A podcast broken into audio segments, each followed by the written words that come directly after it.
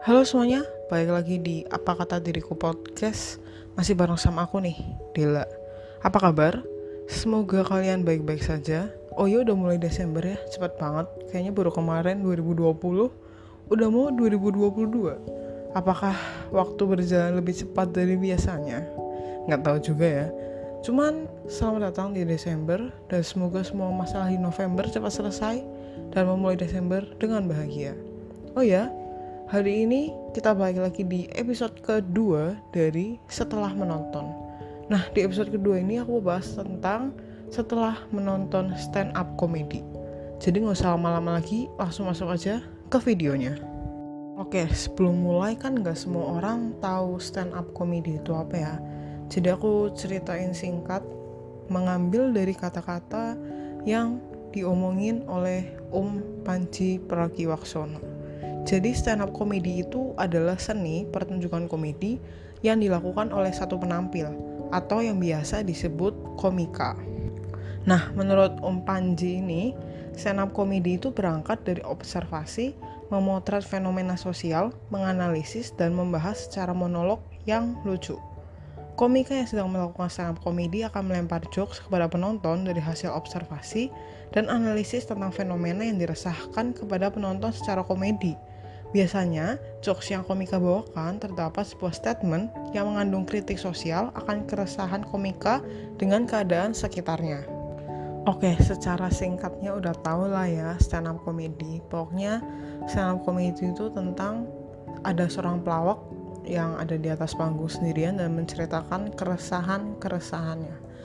Dan pertama kali aku nonton tuh kayaknya aku SD kalau nggak salah dulu di handphone kakak yang lama. Jadi dulu aku dikasih handphone bekas kakak pas aku SD sekitar tahun 2000 di bawah 2012 pastinya.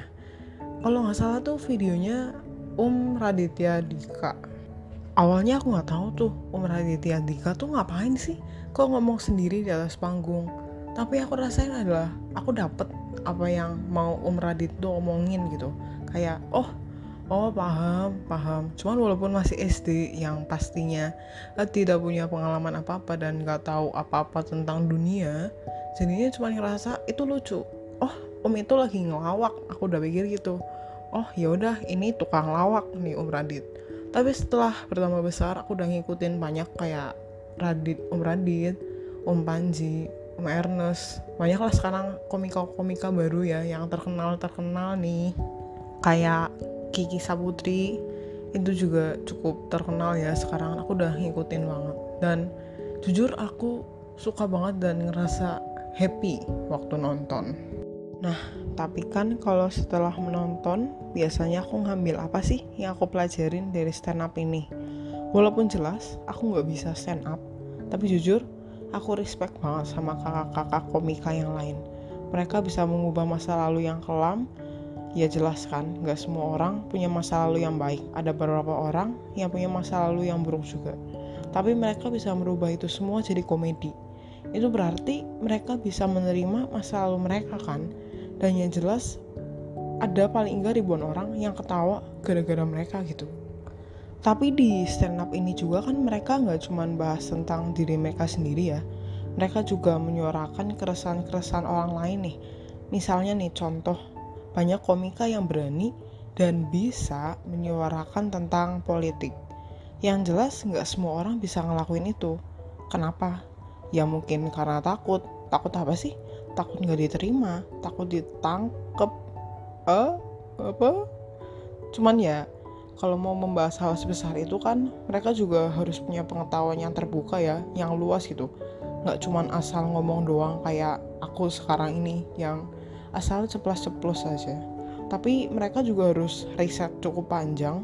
Yang aku pernah denger bahkan untuk satu materi aja risetnya bisa berhari-hari gitu.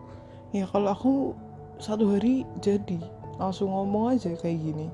Jadi jelas berbeda ya tingkatan aku dengan kakak-kakak komika stand up yang lain pelajaran selanjutnya adalah kita bisa menertawakan diri kita sendiri dengan gimana dengan kita berdamai dengan diri kita sendiri pastinya. kita bisa menertawakan hal-hal yang dulu mungkin menyinggung perasaan kita sendiri gak sih?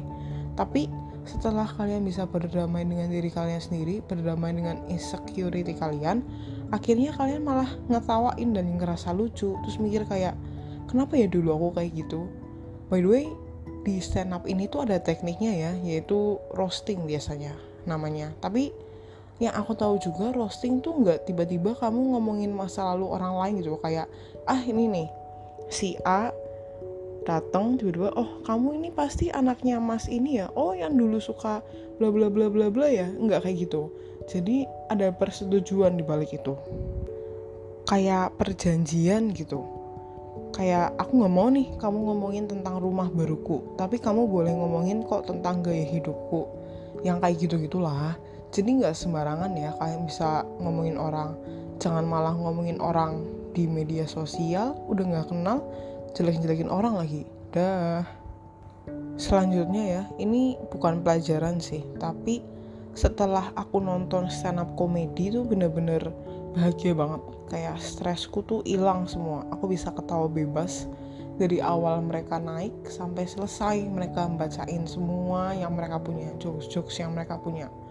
Walaupun sebenarnya kalau dilihat tuh agak kejam gak sih? Agak jahat karena kita menertawakan penderitaan komika-komika itu. Kayak penderitaan mereka terus mereka berdamai akhirnya mereka ceritain. Nah kita ketawain masa lalu mereka agak jahat sih sebenarnya. Cuman kan lagi-lagi mereka sudah berdamai dengan diri mereka sendiri. Ya paling nggak mereka bisa menghibur banyak orang. Mungkin bisa ratusan ribuan mungkin ratus ribu orang yang nonton mereka dan berharap untuk bisa bahagia kayak aku juga gitu waktu nonton. Terakhir sih dari aku stand up komedi ini kan seni ya sebenarnya. Jadi ada yang suka ada yang enggak. Ada yang nganggap stand up komedi itu negatif karena mencemarkan nama baik lah menertawakan orang lain lah banyak lah pokoknya. Tapi gimana ya menurutku ya semua di dunia ini kan ada positif negatifnya ya. Kita sebagai penonton ya ambil positifnya aja sih menurutku nggak usah diambil pusing. Jadi kalau kalian mau nonton stand komedi menurutku ya udah ambil positifnya aja. Kalau misalnya banyak hal-hal negatif ya udah dibuang aja. Nggak usah pusing-pusing menurutku. Dan banyak kok positifnya dari stand up komedi menurutku. Ya pastinya kalian bisa lebih pede kan karena kalian bisa ngomong di depan panggung depan banyak orang sendirian lagi. Kan gila banget sih. Bahkan aku aja mungkin bakal gemeteran takut-takut gitu sih kalau misalnya disuruh berdiri di atas panggung doang. Nggak ngapa-ngapain berdiri aja itu aku bakal takut banget. Tapi mereka enggak mereka bisa mencairkan suasana mereka bisa membuat ribuan orang yang datang ketawa itu aja udah keren banget gak sih nah setelah aku ngomong panjang lebar kalau kalian mikir wah sepertinya saya tertarik mendengarkan atau menonton stand up komedi langsung aja sih cek di sosial media kan banyak ya YouTube, Twitter, Instagram, bla bla bla banyak banget lah. Jadi langsung cek mereka, dukung mereka. Eh, udah sampai akhir juga sih. Ya udahlah, makasih ya buat kalian semua yang udah dengerin nih sampai akhir. Sampai bertemu di video selanjutnya. Bye bye semuanya, makasih.